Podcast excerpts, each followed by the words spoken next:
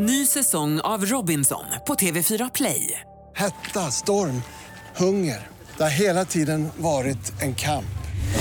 Nu är det blod och tårar. Fan händer just nu. Det. är Detta är inte okej. Robinson 2024, nu fucking kör vi! Streama söndag på TV4 Play.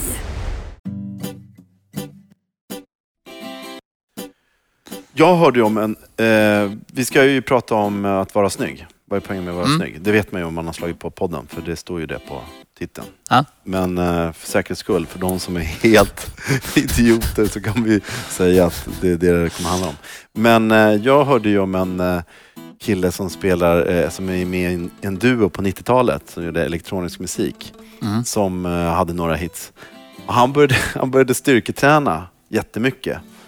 Och han, han, ryktet var att han hade en spegel vid sängen och att han satt vid sängkanten och såg, tittade på sig själv och onanerade till sig själv. Mm. Då måste man, det är ju... Då tycker det, man att man är snygg. Mm. Vem- Då har han lyckats alltså. Alltså, tänk att få de resultaten på gymmet. Att Ja. du liksom sätter det Att du börjar tända på dig själv. Ah, Mm. kolla med, Ja. alltså man bara, nej, vad, gör, vad ska du göra ikväll? Äh, bara vara hemma. Ta hand om mig Och själv. jag ska bara smörja in mig. Och, man behöver liksom inte göra Man är bara så, här, så glad att vara i sitt Så, eget så han har löst ett, ett enormt eh, stort problem för många människor att ha en bra relation. Han har, han, har, en han bra har en relation med sig själv. Och älskar sin egen spegelbild. Eh, Jesper Enander, Mm. du har jobbat med honom. Ja, vi Och jobbar han jättemycket. har en eh, artikel i British Medical Journal Mm. som handlar om självupplevd fulhet. Just det. Och är då världens största studie i just det här ämnet, eller hur? Det, det, han, jag tror han kommer kunna svara på många av de här frågorna kring eh, attraktivitet och eh, hur man upplever sig själv och så vidare. Precis. Är det Mm. viktigt vad andra tycker om sin egen snygghet eller är det man själv som ska vara avgöra om man är snygg eller inte? Jesper Enander är psykolog och doktorand vid Karolinska institutet. Han studerar en sjukdom som ibland kallas självupplevd fulhet. Han försöker allt som oftast sluta snusa och vet också mer än man skulle kunna tro om rymden. Välkommen Jesper Enander. Tack, tack. Du, eh, vad är poängen med att vara snygg? Oj, eh, det är en jättesvår fråga att svara på egentligen. Jag Ja, tänker- det är mest att vi har ju namnet till podden och vi är tvungna att ställa den för det är format. Att liksom. Men finns det någon poäng med att vara snygg? Det finns nog flera poäng med att vara snygg. Dels att kanske eh, att vara attraktiv kanske leder till vissa fördelar i livet. Eh, men också kanske viktigare då om man känner sig snygg eller inte. Så det tror jag är minst lika viktigt, att känna sig snygg som att vara snygg. Så om man, inte är, om man är eller inte är snygg i, i andras ögon egentligen har mindre betydelse av- ur det perspektivet? Ja, lite Men så. är det så att det går, går det på olika sätt bättre för människor som är snygga Och det eller läser man ju i attraktiva? tidningen ju. Att, Att det det är så. Att är du snygg får du jobb ju. Är du ful Ja. så får du inte samma jobb. Ja, det finns ju, eh, det finns ju forskning på, Eh, eller att, då kanske man pratar om attraktion eller attraktiva personer snarare än snygga, men det är kanske egentligen samma sak då. Men, så det man har sett är att personer som eh, är mer attraktiva tjänar kanske mer pengar än personer som är lite mindre attraktiva i sådana här saker. Och sen eh, också man, man brukar tala om så här gloria-effekten, att personer som är väldigt snygga, att vi tänker att, och så oftast de, att de är eh, mer kompetenta än vad de egentligen är. Mm, Det, jag känner faktiskt en, jag ska inte säga någon, men han är ju skitsnygg. Mhm. Men han lyckas aldrig göra någonting. Egentligen. Han får ändå jobb på jobb på jobb. Tänker du på mig? eller? Nej, du är inte så snygg. Du har ju varit med och, gjort en, eh, och studerat eh, 15-åriga svenska tvillingar, eller hur? Mm. Och där, de får ju frågor då om hur de ser på sitt utseende, hur nöjda de är och, och vilka besvär det kan finnas kring det. Och hur vanligt var det då? Där är det ungefär eh, 6 procent som tycker att, att man är eller, kraftigt missnöjd med utseendet i alla fall. Mm. Vilket ändå är ganska mycket. Och då Men- tänker man kraftigt missnöjd. Sen finns det ju gradienter i det här också. Att man är Mm. lite missnöjd, men kraftigt missnöjd med utseendet. Mm. Men om man nu faktiskt är, om de, jag menar, förlåt, men de, 6% borde vara kraftigt fula ju. Ja, fast... eh, Alltså om man nu tycker att man är kraftigt ful. det där- Alltså jag bara, jag, jag vet att jag går på minerad mark och jag vet att det här, men jag bara, Ja. jag bara säger så här, vänta nu. Om Just man nu det, är men- ful och Men i säger att man är... allmänhet tänk, eh, eh, tror jag i alla fall att de som är... Det här har inte med hur man ser ut att göra utan det finns ju väldigt många som är som ser bra ut men är väldigt missnöjda med sitt Mm. utseende. Och den sjukdom som Jesper och jag jobbar med lite, en del också som kallas dysmorfobi eller självupplevd fulhet eller BDD ibland. Eh, Där ser vi också att de människorna som har jätte, jättestora problem kring, att de upplever sig se jättehemskt ut ser helt normala ut och att det är Mm. väldigt svårt för andra att ta in. Liksom. Att det här återspeglar inte alls eh, verkligheten. Och, Mm. och så tror jag det är för många av dem som bara har mycket ångest kring utseende och så också. Det är väldigt få som är ju abnorma så att det är ju... Mm. Men, är här- norm- men jag tänker det här som är svårt också. För att snygg och ful. Vad är ful och vad är liksom Mm. snygg? Och var, när passerar man gränsen till det ena och till det andra? Och jag tänker de flesta ser ju faktiskt helt okej ut. Och det gör vi. Och, Ja, alltså, Det är normalfördelat, för att använda ett fint ord. Eller? Ja, men, men också det här att, att jag tror att vi, att vi tillskriver lite för stor betydelse till, till utseendet också. Om man tänker sig att utseendet är ju en, en, det är en liten del av det som vi tycker är attraktivt för- hos andra. Och kanske, om vi träffar någon först, kanske det första vi tänker på är utseendet för det är det enda vi har att gå på. Men om vi börjar prata med någon och om man delar samma intressen eller att det, det finns massa andra saker som också är viktiga när vi ska träffa en partner till exempel. Eller ska träffa, träffa någon. Så jag tror att generellt att vi kanske, de flesta nog tillskriver att det är viktigt att vara snygg. Fast det inte är lika viktigt som man tror att det är. Och i vissa relationer är det väl inte vi, alltså om man ska träffa en partner då har ju utseendet en viss betydelse. Mm. Men om du och jag ska jobba ihop så är det ju inte jätteviktigt för mig hur snygg du är. Ja.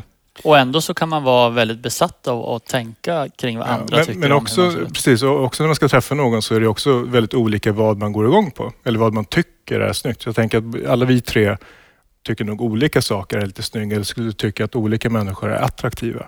För vi har lite olika preferenser och vad, vad vi går igång på. men då, men då, då, är det, då kokar det ner till att man, om man själv känner sig snygg, Mm. eller inbillad snygghet då, om vi säger så. Man inbillar sig att man är snygg. Eller man, vill inte in, man inser inte verkligheten. Det är, då är ju allting fine ju. Då- Alltså så länge man håller sig i det området, rent självkä- då är det självkänslan vi pratar om. Att man tycker, och den uppfattning man har om sig själv, att man ser helt okej ut. Man är liksom... Alltså den, den tror jag är vikt, alltså abs- absolut viktigast. Att, att vara bekväm med sig själv. Eftersom att det Mm. du säger är ju att vad är ful, vad är snygg och det är då vad andra går igång på, vad de inte går igång på. Det har man ju ingen aning om. Nej. Så därför så har man ju ingen anledning att försöka anpassa sig utan då måste man själv se till att man själv mår bra och ser bra ut. Det blir nyckeln då eller? Men är det inte också så då att man faktiskt inte måste komma fram till att man är snygg utan att de flesta kan helt enkelt bli nöjda med att vara halv, halvsnygga eller halvfula och vara bekväma i det? Att det är så det slutar, eller? Vad säger du Jesper? Du ser skeptisk ut. Nej, men det, det, och det, som, det som jag tänker är det som blir svårt och det hetsen bygger på lite i samhället, det tror jag faktiskt att liksom det, har en viss, det har en evolutionär förklaring. Och som sagt, om man har tittat lite i olika studier, och man har försökt ändå säga vad, vad är snygg för någonting och försöka ta reda på men vad är det för någonting egentligen? För vi kan ju, oftast kan vi säga att ja, den där personen är snygg och den där personen är lite snyggare än den personen. Men det är ganska svårt att veta vad det här är för någonting. Men det man har sett då det är att eh, saker vi tycker om, tycker om i utseende, det är symmetri. Så när saker i ansiktet till exempel är liksom jämnt fördelade, symmetriska, ju mer symmetriska de är, desto högre skattar man den här personen som snygg eller attraktiv. Och samma sak också en sån sak som att saker som är medel, så till exempel en, en näsa som är nära genomsnittet av alla näsor i hela befolkningen. Det tycker vi också om ganska mycket. För det betyder att den här personen har liksom en, en, bra, en uppsättning gener som liksom, ja, man, man har liksom genom evolutionen liksom lyckats eh, få stor vari- vari- genvariation helt enkelt. Och därför tycker vi det är lite attraktivt. Idag har ju plastikkirurgi blivit allt mer utbrett och Jag accepterat. har ju opererat in öronen till exempel. Aha, berätta. Nej, men fortsätt. Jag vill bara slänga in det som en brasklapp. Jo, och då, det, det här är ju lite laddat tänker jag mig. Att, att, eh, eh, dels håller det på att bli vanligare men också är det ju lite så att man då ibland undrar så här. Ja, vad är det de opererar egentligen? Är det sitt dåliga självförtroende eller är det näsan eller så? Mm. Vad, vad tänker du om det här med plastikkirurgins segertåg i samhället? Precis. Varför opererade jag in mina öron? Kan du... Kan du... Ska jag berätta det? Det vet du. Jag tycker att eh, plastikkirurgi i sig behöver inte vara problematiskt alls om man vill göra det. Däremot så tror jag det är väldigt viktigt att man har realistiska förväntningar på vad resultatet blir för någonting. Så om man tror, eh, till exempel om man opererar in öronen och tror att mitt liv kommer att förändras drastiskt nu. Nu, nu kommer jag liksom, alla kommer tycka att jag ser jättebra ut. Jag kommer få liksom, alla tjejer kommer vilja prata med mig. Jag har ingen aning varför jag gjorde det. Så kanske det skulle vara en orealistisk förväntning. Det vill säga de flesta skulle nog inte ens tänka på att du har gjort det här. Någon kanske skulle säga, ja men någonting annorlunda. Men de flesta kanske inte, inte ser en det. person har kommenterat att jag opererat in öronen. Inte, Inte än. Inte än. Nej. Alltså jag var 19 när jag opererade in det jag Ja. under hela min uppväxt har haft utstående öron. Jag hade inte de här vikarna som finns i örat utan de var skålade. Alltså, Ja. ut, alltså så här. Och jag opererade mig i... Jag ville vänta tills jag gick ut gymnasiet för man vill, Mm. inte, man vill inte erkänna att man har man vill, komplex Mm. när man är i gymnasiet. Man vill ju vara stark förstås. Så jag tänkte att jag gör det efter gymnasiet. Mm. Och när jag gjorde det så hade jag pannband i, i en vecka. Mm. Och jag tänkte att någon kanske kommer kommentera, för jag hade inte sagt det till folk, utan någon Mm. kanske som inte hade sett mig pannband, kanske, inte en person har någonsin kommenterat. Någon har kanske tänkt på det. Mm. Kanske, Mm. förmodligen inte. Men du själv tänkte mycket på det innan Mm. och sen opererade du och du tyckte att det funkar bra då eller? För mig, jag opererade mig, eh, jag opererade in öronen för jag tyckte att det var så enkel, det var inte så svårt liksom. Sådär. Mm. Och det var inte jättedyrt heller det typen av ingrepp. Och jag hade ju mått, jag varit stressat, jag vill inte säga att jag mått dåligt men varje gång jag badade på sommaren så ville jag liksom upp och ta en handduk och torka upp håret så att det skulle bli liksom fluffigt, så att det skulle täcka mina öron. Jag jobbade med massa sådana saker. Jag hade liksom inte keps på mig, för keps kan ju inte dra ut, dra över öron och det blir också konstigt om jag tar in mina utstående öron och stoppar in dem i kepsen. Ja. Förstår du? Så jag hade ju inte keps på mig i, under hela min tonårsperiod för att jag tyckte det var... Men för att du tänkte att andra skulle Och, eh, tycka för- att det såg konstigt ut? Ja, eller titta på mina öron liksom. Så att Ja. jag höll ju på med alla de här... Precis, och det lite det jag tänker att, att de flesta tror jag inte tänker på det alls. Utan man tänker själv på det som att nu ser alla mina stora Ja, öron och så försöker man dölja det och på olika sätt då med mössa eller att man fort upp och liksom fixar Ja. ordning sig efter man badat. Men de flesta skulle ju, tänker inte på det. Och Bryr när- sig inte om nej, det och jag alls. opererade och ingen sa någonting. Men jag kan säga att jag tyckte det var jävligt skönt. För mig funkade ju den typen av operation för jag Ja. blev väldigt nöjd. Ja. Det var li- Det var ju lokalbedövning till och med. Ja. Han sövde inte ner mig för jag hade råkat äta, glömde bort det där. Så han sa, då, då lokalbedövar jag dig istället om det går bra. Så jag hörde honom när han skar i örat. Ja. Det var skit, alltså det var konstigt. Men det var värt det. Naja. Ja, men, eh, Men absolut, och är det någonting som man stör sig på så kan man ju givetvis operera det. Men som sagt, jag tror att det är viktigt att man har realistiska förväntningar på resultatet. Ja. Att det, det kommer inte vara liksom natt och dag. Det kommer inte förändra mitt liv på något speciellt sätt. Jag kommer inte bli en totalt annan person. för Michael Jackson hade ju inte, han hade ju inte någon insikt i sina operationer. Nej, Men vi kan väl anta. Ja. Alltså han opererade ju flera gånger samma näsa. Jag menar, ja, tills den man- inte fungerar särskilt Nej. bra alls. Så, så att det finns då en, en mindre grupp personer som gör de här för mycket av sådana här ingrepp Ja. och där man tror att ingreppen dessutom inte riktigt ger dem det de vill ha. Då. Precis. Och ofta då tänker jag också att, eh, att eh, om man inte har realistiska förväntningar på operationen då är det fortfarande som man gör sin operation näsan eller vad det kan vara för någonting men att man fortfarande är missnöjd med resultatet efteråt. Och det blev inte riktigt som jag tänkt mig men oftast är det här att, då att man tycker fortfarande det ser fel ut på något sätt eller man skulle vilja göra en till, korrigera det här så att det blir bra men att det är inte riktigt det som är problemet, alltså utseendet utan snarare man tankar med utseendet eller man uppfattar sig själv som är, är jobbig och det går inte att operera bort. nej, utan då måste man jobba med det. Ja. Men om man opererar sig, alltså som man har opererat brösten om man vill Mm. göra det igen eller näsan. Mm. Och det uppenbarligen, när näsan är ju inom normal, det som anses vara, den är inte abnorm. En vanlig näsa. Ja, då är det ju så att eh, man måste jobba med sig själv, alltså det som man, ens uppfattning om vad som är snygg. Ja. Eh, så att i, i, där har du den ena änden. Alltså, Ja. Och den andra änden är ju så att det är väl ändå bevisat att vi försöker sträva för att bli snyggare för att man får ju bättre Folk säger ju att man får bättre jobb om du ser bra ut. Du kan ju inte komma hur som helst till, till en jobb och arbetsintervju. Nej. Så att du har ju båda sidorna där. Mm. Vilka, vilket lag hejar du på? Nej, men ja. Det, det blir ju eh, som sagt, det blir lite som att sitta på dubbla stolar. Dels arbeta med, med tillstånd där folk eh, har en felaktig uppfattning om sitt eget utseende. Det vill säga att man tror att man är mycket fulare, att man är defekt på olika sätt fast man ser helt normal ut. Och samtidigt som det finns eh, vissa studier som tyder på att, att ser du, liksom, är du snygg eller väldigt attraktiv så har du fördelar. Och ett problem med, med, med att vara snygg är att vi kan ju kanske inte göra så mycket åt det egentligen. Det vill säga, det är någonting vi, vi föds med. Det är ju våra gener som faktiskt, ja men jag ser ut så här och det är ju på grund av mina gener. Sen skulle jag kunna träna och få rutor och sådär. Då skulle jag ju kanske bli lite snyggare. Tweak- tweaka lite. Tweaka lite Men ansiktsskelettet skulle inte förändras så mycket om du tränar det till exempel. skulle vara svårare Ja. att förändra Och är du där och pillar så kommer du ju se ut som de som har pillat. Och då är Precis. du igen ute i skogen. För lite det som är grejen, att gör du mycket plastikoperationer, till slut så är det inte så att du blir snyggare, utan du passerar ju någonstans där en gräns också när det faktiskt börjar se konstigt ut istället. Mm. Att det här är personer som man kanske ändå tänker sig, men reagerar lite på att det här, det här ser lite liksom udda ut, det här utseendet. Och det Allting är inget för snyggt. perfekt. Allt är Men- för rakt. så- vi- Normalt är det Eller, att inte, det är eller inte rakt alls, utan snarare att du, du har liksom den här det. plastikoperationslooken Ja, det lite mer. Så att, eh, Men, men så, så å ena sidan så är det så att det finns vissa fördelar med att vara snygg. Å andra sidan så jobbar vi med människor som plågas väldigt mycket av att de upplever sig som fruktansvärt fula. Men det är väl ändå så att fördelarna med att vara snygg är inte jätte, jättestora. Det vill Nej. säga, det är inte som att du får sparken om du inte är snygg. Eller att Nej. du inte kan hitta någon partner om du inte är lika snygg som George Clooney. Eh, och det är väl den känslan som många människor som, som plågas av sitt utseende har. Att, Mm. att det är liksom en katastrof. Liksom. Precis. Att, att, och det jag tänker också att mycket av det här eh, med, med dysmorfofobi, då, eller det, det det bottnar i, är snarare att man är, har en extrem rädsla för att man ska bli avvisad av andra på grund av hur man ser ut. Nu måste vi prata om vad, vad är dysmorfofobi? Det är nog ett ord som inte så många har hört förut. Nej, dys, det, och det är ett extremt krångligt ord också. Dysmorfofobi. Nu har jag lärt mig Ja. säga det snabbt utan att slinta på tungan. Men, eh, eller BDD kallar man det ibland. Och vad är BDD?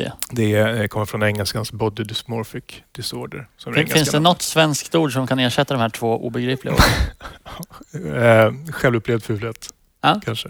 Mm. Men så om man lider av självupplevd fulhet så eh, då, när man speglar sig då, har, då ser man någonting annat än vad andra personer ser när de tittar på en. Så att då kanske man ser att näsan är förvrängd eller att ansiktet saknar konturer eller att det inte har former riktigt eller att mina, mina porer är jättestora i huden eller att huden har någon så här rödaktig färg som är liksom, hela mitt ansikte eh, känns rödaktigt. Men man hallucinerar inte. Nej, man hallucinerar inte och, och, eh, och man ser helt normal ut. Det vill säga det, det är ingenting som ser konstigt ut med utseendet alls. Man, ser, man kan se liksom jättebra ut, alltså verkligen vara snygg och fortfarande ha de här problemen. För, för att göra det enklare att förstå kanske, så att en, en, en annan diagnos som jag tror folk känner mer till än, än BDD är ju anorexia. Alltså personer som är jätte, jättesmala. Mm. Eh, Men när de speglar sig så ser de inte en, jätte, jättesmal person utan då ser man bara bli av med det här, liksom, lite här hullet på magen här och den putar ut fortfarande. Men om jag kan liksom få bort det här, Mm. då skulle jag få den kroppsform som jag skulle vilja ha. Mm. Och så är det lite samma sak vid, vid BDD då, bara att då är det mer specifika detaljer, till exempel öronen, Mm. eller näsan eller huden och sådana saker. Men, men jag tror ändå det är viktigt att säga att det finns nog ingen, ingen, inget samband mellan hur man ser ut och att uppleva sig ful. Det vill säga, det finns människor som kanske inte ser jättebra ut men ändå är nöjda med sig själva och agerar som om de var snygga. Mm. Är det en bra behandling förresten Jesper? Om vi tar Alex till exempel. Mm. Han agerar ju socialt som han vore skitsnygg. Som George. Clooney. Han agerar som han vore George Clooney. Ja, och då funkar ju det nästan. va? Är det ja, inte då så? tror jag blir snyggare. Ja, men också att, att han bara kan tänka, att han har den självbilden på något sätt. Att, Mm. Och, och att Men- kunna men agera det- så. Medan om man tänker Jo, men, att man kan hämma sig själv oerhört Ja, mycket, jätte- vilket han inte gör. Själv, inbillad Så är- snygghet. Är, Men det är att ta- att vara som Alex behandlingen för de här problemen. Ja, gå till, prata med Alex istället. Men eh, vad heter det? Eh, nej, men det är lite om man, om man tar exempel från sig själv. Så att vissa dagar, man vaknar, man tittar sig i spegeln, man tycker att "Ja, men det, ser, liksom, det här är en bra dag. Jag känner mig liksom, idag känner jag mig snygg och man går hemifrån, man kanske är lite mer, liksom, lite mer glad, man kanske ler lite mer, man kanske tar lite mer initiativ och pratar med folk. Och så Mm. spinner, eftersom man ler så ler Alex tillbaka när man träffar honom och så spinner det vidare och så är dagen bara allmänt lite bättre. Mm, jag Men- förstår. Men Mm. om man har vaknar upp nästa dag och så kollar man sig i spegeln. Ingenting har hänt med vårt utseende. Vi ser Nej. exakt likadana Ja, ja. ut. Men så tittar man i spegeln och känner man, "F- shit alltså, fan, det, det, var- det, nu är det ingen bra dag. Känner man kan, kanske liksom lite sämre humör, ler inte lika mycket, tar inte lika mycket initiativ eller kontakter. Vilket återspeglas i dagen också, för då blir det inte sämre. Så mycket är ju bara ju hur jag uppfattar mig själv kommer påverka hur jag känner och faktiskt hur jag beter mig sen. Man, man har ju inte träffat sin, eh, kanske, man kommer inte träffa sin blivande fru på en dålig dag om man själv tycker att man har en dålig dag. Nej, kanske Alltså inte. det kanske inte. Det, det kan ju vara... Oklart. Jag minns inte vad det var för dag. Men, ehm, så jag tänkte mig ändå säga, om vi ska säga några mer ord till om de här svåra orden. Dysmorfobi, BDD, självupplevd fulhet som alltså är en sjukdom. Mm. Hur vanlig är den sjukdomen och vad är de vanligaste besvären som folk har? Så eh, ungefär 2 procent eh, av befolkningen i Sverige har den här sjukdomen. Eh, vanligaste besvären då är att man, man tycker att näsa eller hud eller hår och då att näsan skulle ha fel form eller storlek eller att huden är, det är fel eh, pigmentering eller färg. Alltså röd, att man skulle vara för röd då. Eller hår, att man har för mycket eller för lite hår. Fastän man inte har några problem, man ser ju normal ut. Eh, och också mycket tanke då att man, man tror att andra ska tycka att man, man ser väldigt märklig ut, att man ser fel ut, man ser defekt ut, att folk kommer döma en. Att de verk, om de verkligen såg hur jag såg ut, då skulle de inte vilja vara med mig. Och vissa är så eh, plågade av det här att man inte ens vill gå ut och visa sig. Det vill säga att man nästan känner sig att om jag visar mig ute nu på gatan, om jag går ut här i villakvarteret och visar mig, då är jag taskig mot alla andra, mot mina grannar. För att de, får, de måste stå ut med hur ful jag är. Och så blir man hemma istället och isolerad i hemmet. Eh, Så lite så, här, så att det är någonting mer än att bara vara lite orolig för utseendet, vilket alla är. Men det här är verkligen liksom, det blir ett handikapp, du, har, du får ångest, du lider av det här, du fungerar sämre i arbetet, du fungerar sämre socialt. Så att det blir liksom en, ett enormt handikapp för dig. Och det är då vi kallar det någon, någonting en sjukdom också egentligen. Att det här är någonting som är, liksom, fungerar så pass dåligt att man behöver behandling för Att det förstör för ditt Det normala livet. livet. Och en del slutar gå i skolan och så. Ja, visst, hoppar av liksom- skolan, hoppar av studier och, är liksom, och i värsta fall tar livet av sig. Ja. För självmordstankar är vanligt eh, bland de som lider av det här också. Vilket, och depression, vilket inte är så jättekonstigt. För man tänker då att alltså, utseendet är någonting som är du. Och det är ingenting du kan egentligen förändra. Man kanske drömmer om att plastikoperationer ska kunna fixa det här. Eller olika hudbehandlingar eller hårbehandlingar. Men vilket det egentligen inte gör. För man blir inte nöjd man gör en plastikoperationer. För det blir ju inte bra. För det handlar ju egentligen inte om utseendet. Men att då utsikten av liksom hur ens liv ska te sig längre fram, det vill säga kommer jag träffa någon, kommer jag kunna skaffa barn? Allt det blir. All, ja, man tänker precis, allting är, det är rätt nattsvart liksom. Men du Jesper, eh, Mm. du har ju... Eh, de publicerade en, din forskning, eller er forskning kanske man ska säga, i British Medical Journal. Heter den så? Ja, ja precis så. BMJ, Ja. eh, för de som kan. eh, berätta, vad är det du kom fram till som de tyckte var värt att eh, skriva i sin tidning? Ja. Så det vi gjorde var världens hittills största behandlingsstudie eh, för den här diagnosen. Där vi testade om internet-KBT fungerade för den här patientgruppen, vilket det gjorde också. Väldigt bra.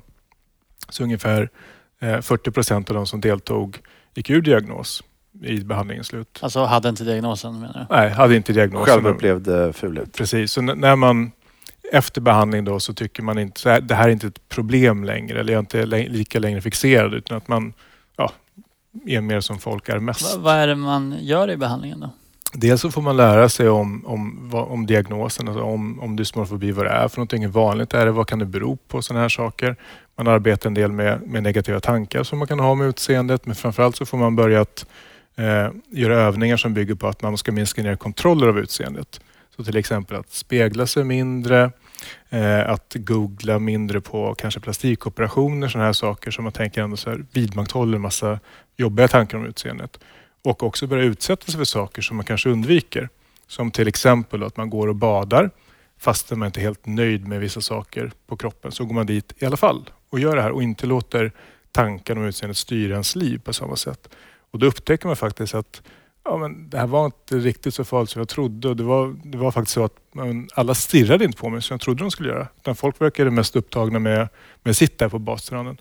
Vilket leder till att man kan, kanske kan omvärdera lite om hur, hur liksom viktigt det här är eller hur, och, och den här bilden förändras också om sig själv lite. Spännande. Du verkligen, jag, men, du får mig att tänka lite grann på något som jag brukar leva med. Mm. Det är ju det här när någon frågar så här, hur är, Alex, hur mår du?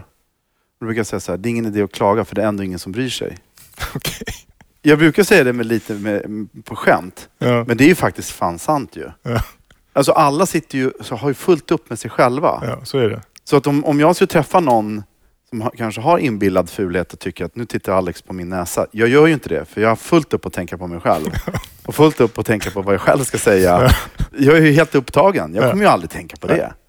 Så är det. Så att, och det, det bekräftar ju Mm. alltså att de har ju fel. Eller den personen mår ju dåligt i onödan. Vi, vi är väldigt bra på att oroa oss om vad andra ska tycka om oss, men det är alla. Och alla är Ja. lika upptagna med att försöka göra ett bra intryck. Så Och det att- finns ju klass, jävla idioter vi alla är. klassiska beteendeexperiment som det kallas som psykologer gör. Och eh, det finns en känd engelsk psykolog som heter David Clark som brukar köra samma hela tiden. Där han håller på och skvätter vatten i armhålorna. Och sen ska han gå in i en affär och sen säga så här, jag vill ha snuspaketet högst upp där och sträcker upp armen så det syns en gigantisk svettfläck i armhålan. Och då är, är idén att se om, om den som jobbar i butiken reagerar på något sätt. Och det är ingen som reagerar. Nej. Eller en annan sån grej att gå med händerna uppsträckta på Drottninggatan rakt upp så här. Det ser ju jävla konstigt ut. Ingen Ja. människa som bryr sig. Så det finns, det finns sådana små Du, experiment man kan göra för att se om folk bryr sig. Men, för vi gör ju inte det. Vi, vi full, vi, är det något problem vi har så tänker vi för mycket på oss själva. Men du, eh, det här med att man eh, hela tiden ska värdera sig själv då. Att man hela tiden, jag vet Christian, du har ju sagt massa smarta saker där generellt. Men det här med att man hela tiden gör, alltså att man hela tiden ska bedöma. Mm. Är inte det generellt jävla gissel med oss människor? Alltså ska vi inte Jo. sluta med, alltså hela tiden så här, nu är det så här eller man är hela tiden så jäkla noga Nej, med... jag tror inte vi kan sluta med det. Därför att vi, våra hjärnor tycker om att kategorisera saker. Det blir lättare att liksom navigera i en värld när vi har några få kategorier som vi kan stoppa in saker i.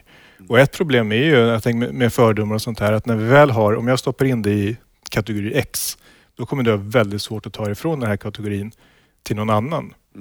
Jag försöker vara bra på den. Men, men det finns Mm. Det är väl svårt. en del ändå man kanske kan göra då. För jag tänker mig just det här med att liksom eh, värdera sig själv och vara kritisk mot sig själv och så. Mm. Det, kan det inte vara viktigt för en del människor då att fundera lite på hur man till exempel använder sociala medier och Jo, att man, att man kan bli fångad i de här bilderna och Ja. vilken bild man skapar med sig själv då. då. Jag, av sig själv, absolut. Och jag tror att det, oavsett vad det handlar om så tror jag det viktigaste är att fundera vad, vad är det som får mig att må bra? Och är det så att jag engagerar mig i massa beteenden som skulle vara att jag köper massa smink eller massa hudvårdsprodukter eller vad det kan vara, massa kläder för att liksom känna mig snygg. Och, men jag är hela tiden missnöjd när jag gör det här och det, det blir aldrig bra. Då kanske man ska fundera, men vad, vad, vad är bra för mig? Vad är liksom, hur ska jag bli mer nöjd med mig själv? Mm. För, min, för min del skulle det vara så att jag skulle gärna vilja gå och träna, vilket jag inte gör. Vilket står på agendan och stått i kanske typ tio år nu. Men om, jag vet att om jag gick och tränade, om jag gick och tränade, om jag kom iväg så jag kom iväg tre dagar i veckan, gick och gymma, blev starkare. Då är jag helt övertygad om att jag skulle må bättre själv. För Jag skulle också tycka att jag var själv, liksom, snyggare. Jag skulle känna mig starkare.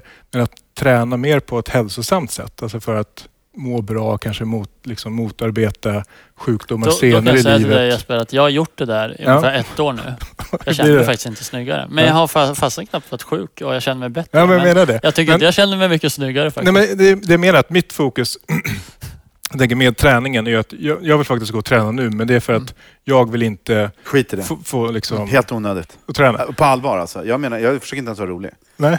Det är inte ens så jävla Men jag viktigt. tänker så här, ryggproblem. Men du och går ju till en PT, så det där är hyckleri. och- Jo, det är klart att du kan göra lite, alltså det kan väl vara bra att göra lite sit-ups och det finns väl eh, studier som säger att så här, hjärt, alltså om du får hög puls i 90 sekunder varje dag så motverkar du hjärt och kärlsjukdomar. Men skitsamma, men det är, jag, jag tror inte för att problemet är att om, om du tränar tre gånger i veckan i ett år, du vet ju vad du kommer, även om du ser bättre ut, så kommer du fortfarande, den drivkraften som tog dig till gymmet, den kommer ju stå kvar. Så du kommer bara vilja bli ännu mer tränad då. Det kommer, alltså det, Mm, jag, jag har gått till, precis som Christian, jag har haft PT två gånger i veckan. Eh, jag känner att jag väger lika mycket men jag har fått en helt annan typ av definition. Men jag mår ju precis lika dåligt som när jag började träna för ett år sedan. Jag är alltså över min vikt och, och liksom så här. Jag, jag, alltså, nej, jag tror att du behöver oroa dig inte för det där med träning. Skit i det Jesper. Alltså, jag- alltså, här, jag tror på det där, Paolo Roberto har den här 15 minuter om dagen. Ja. Hade man pallat det för hjärt och kärlsjukdomar Ja. så tror jag att man är hemma. Men det där med att gymma och styrketräna, det verkar vara helt... Jag, har provat, jag provar nu Och eh, jag har en jättebra PT och jag kommer fortsätta. Mm. Men jag, jag var ju på gymmet häromdagen och bara så här, jag försöker bara komma ihåg, varför går jag hit? Alltså, jag, bara, jag verkligen tänkte i omklädningsrummet så här, varför går jag hit? Varför? Men du och jag var ju tillsammans en gång. Jag var ändå förvånad över, med tanke på den totala antiträningsattityd som du utstrålar, att du körde ett väldigt så här, fokuserat pass. Du bara så här, nu kör vi 15 gånger det här, så kör vi 10 där. Jag, jag trodde du och jag bara skulle stå och snacka och ta det lite lugnt, men så blev det Ja inte. just det, när du och jag, när vi, när vi tränade. Ja, Mm. men jag vill, det är min optim, optimeringsneurotiska sida som, eh, Ja. att jag inte, om vi ändå nu är där så vill jag väl försöka. Mm. Men det där med träning, eh, det tror inte jag. Överskattat. Ah, vi får ha en podd som heter Vad är poängen med att träna? För att Mm. eh, jag tror att det där är bara ångestdrivet och jag tror inte det, det där är skit alltså. Vi dör ändå på slutet. Nej, bra, det där är inget. Men du Jesper, eh, om du skulle ha tre tips Mm. eh, om man oroar sig över sitt ut- utseende. Oavsett om man ser bra ut eller inte, men om man har oro Mm. och ångest ö, som kretsar kring utseendet. Eh, allmänt att inte låta den här oron styra vad man gör för någonting. Alltså att man inte undviker att göra saker, till exempel gå till stranden fast man inte känner sig helt nöjd med kroppen. Utan man går dit i alla fall så att man inte går miste om en massa bra saker. Eh, och också att kanske så här, försöka bryta fokuset på utseendet. Det låter det kanske som att man fokuserar för mycket på utseendet. Det vill säga att man kanske ska minska ner på hur mycket man speglar sig, hur mycket man läser tidningar om mode. Utan låta det vara vid liksom sidan om lite ett tag. Försöka hitta andra saker som, som är viktiga och bra i ens liv. Bra. Det var kanske två tips, men jag vet inte. Det spelar ingen Då är det tre. Nej, men det, det blir bara... Plastik, det blir plastikoperation. Ja, men tack så hemskt mycket Jesper för att du kom. Ja, tack, Tack. så mycket. Tack. Ja, om du gillar vårt program så skriv gärna en kommentar på iTunes och du får hemskt gärna skicka förslag till oss eh, på ämnen. Du kan gå in på vadärpoängen.se utan prickar eh, och hör av dig. Ja, eller e-maila till info at vadarpoangen.se utan prickar. Ja. Bra. Tack. Tack.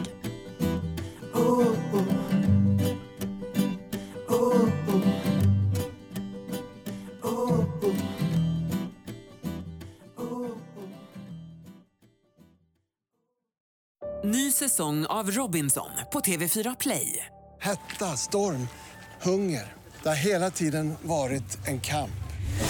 Nu är det blod och tårar. Fan händer just nu. Det. är Detta är inte okej. Robinson 2024, nu fucking kör vi! Streama söndag på TV4 Play.